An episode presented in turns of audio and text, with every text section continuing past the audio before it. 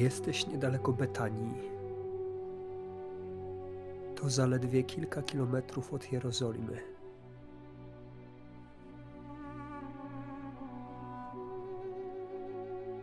Widzisz kilku uczniów Jezusa, rozpoznajesz ich, bo widziałeś ich już wcześniej. Którzy idą w stronę Jezusa, prowadząc z sobą osła. Zdziwiony podchodzisz bliżej, bo sytuacja jest niecodzienna. Zazwyczaj to tłum gromadził się wokół Jezusa, ale nigdy nie zdarzyło się, by ktoś przyprowadził mu zwierzę.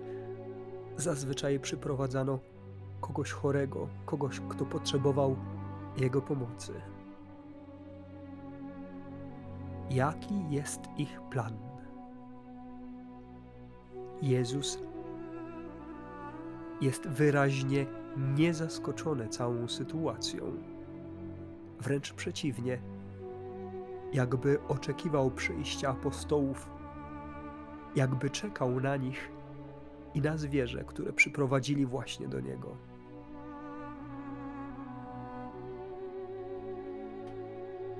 A kiedy przyprowadzili je do Jezusa, zarzucili na osła swoje płaszcze.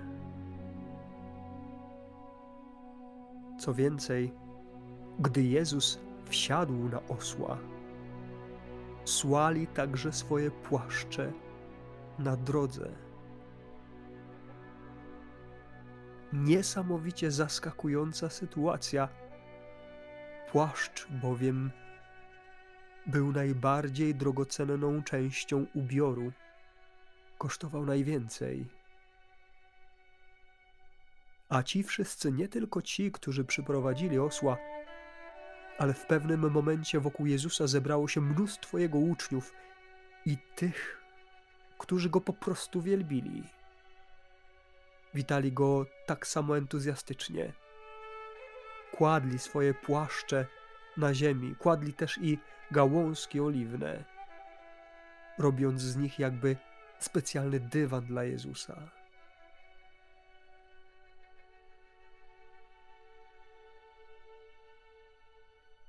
Kiedy jesteście blisko góry oliwnej, jeszcze więcej ludzi przychodzi do Was.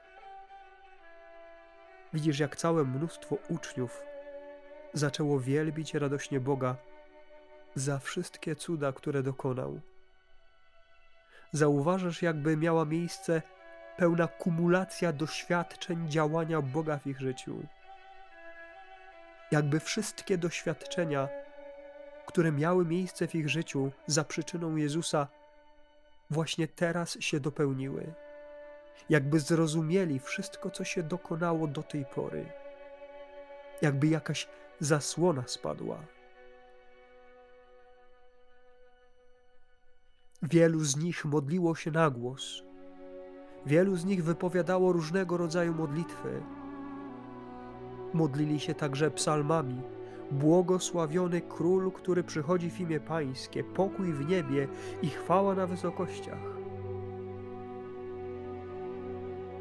Jakże wielka radość atmosfera wielkiego święta udziela się Tobie i wszystkim zebranym tam ludziom. Wiadomo, że dzieje się coś niezwykłego. Jakby za chwilę miało nastąpić jakieś wielkie poruszenie. Jakby za chwilę cały świat miał się dowiedzieć o tym, że Jezus już się zbliża. Jakby cała Jerozolima miała go witać powtarzać słowa psalmu. Błogosławiony król, który przychodzi w imię Pańskie. Ale oczywiście w tłumie byli też i faryzeusze. Byli ci, którzy w ostatnim czasie tak bardzo próbowali pochwycić Jezusa na czymś, o co mogliby go oskarżyć. Ci o zatwardziałym sercu, Ci, którzy myśleli, że wiedzą lepiej, że wiedzą więcej. Ci, którym zdawało się, że mają monopol na prawdę, na pełnię objawienia Boga. Ci, którzy w rezultacie byli tak biedni, bo wielu z nich nie rozpoznało przychodzącego Mesjasza. I ci w tłumie zwracają się do Jezusa. Nauczycielu, zabroń tego swoim uczniom. Zadziwiające, że użyli sformułowania nauczycielu. Znaczy to, że w pewnym sensie przyznają Jezusowi rację, a może raczej mądrość w nauczaniu. A Jezus odpowiada: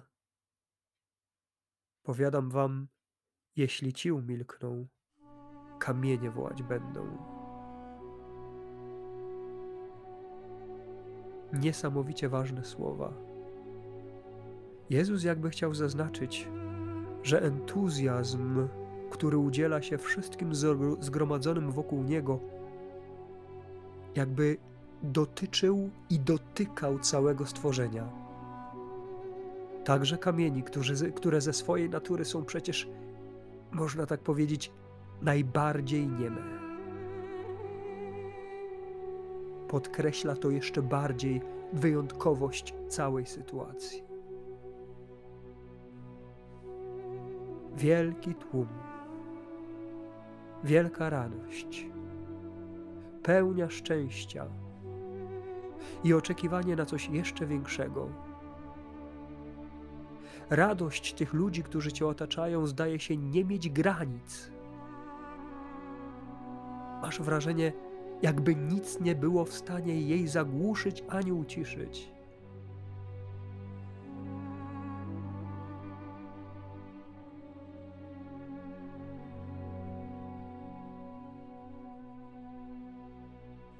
Nagle otwierasz oczy i stoisz pod krzyżem Jezusa. Trochę z dali, tak bezpieczniej. Obok krzyża stoi tylko Maryja i Jan, umiłowane uczenie. Tłum ucichł. Nie ma krzyków, nie ma radości, nie ma entuzjazmu, nie ma słów psalmu. Błogosławiony król, który przychodzi w imię Pańskie. Nie ma nikogo z tych, którzy przed chwilą witali Jezusa których entuzjazm wydawał się nie mieć końca.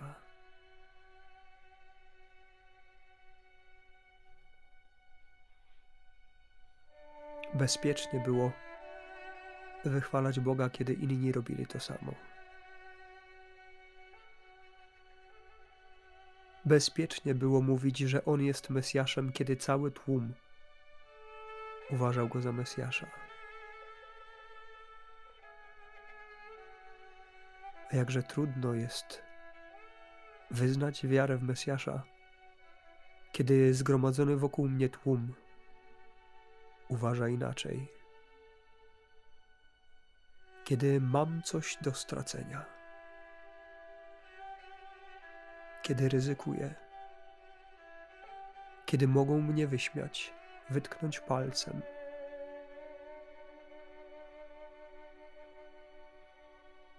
Wtedy entuzjazm opada i zostaje prawda. Czy dało mi się ponieść fali tłumu? Czy wyrytym głęboko w sercu doświadczeniu mojego spotkania z Jezusem, które uzdalnia nie tylko do entuzjastycznego, wykrzykiwania modlitwy, ale do trwania przy Jezusie, także w trudności. Wtedy, kiedy jest trudno i niebezpiecznie.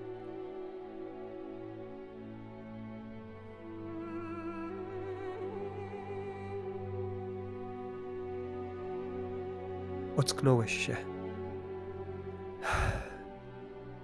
Na szczęście to był tylko dziwny sen. Bardzo realny.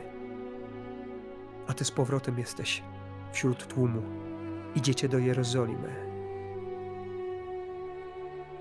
Jakże realny był to sen, jak przerażający zarazem. Ale może słowo przerażający zamienić na słowo motywujący.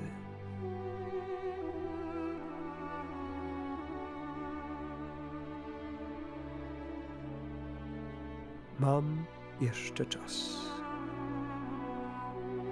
Pozostał tydzień do świąt Wielkanocy i najprawdopodobniej za rok dane mi będzie przeżyć następne święta. Ale każdorazowe spotkanie i doświadczenie obecności Jezusa ma możliwość zmienić mnie, moje wnętrze, moje nastawienie, uzdolnić mnie do żywej wiary i świadectwa nie tylko wobec tych, którzy myślą i czują podobnie, ale także i przede wszystkim wobec tych, którym do Boga jest daleko.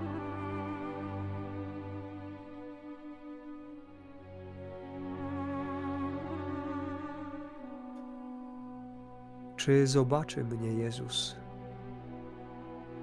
obok krzyża, razem z Maryją i Janem? Czy też próżno mu będzie wytężać wzrok?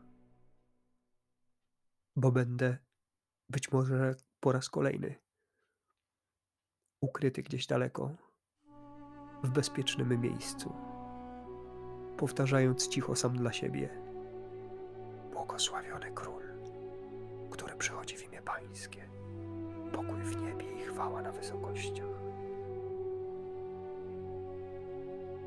Tak, żeby nikt nie usłyszał.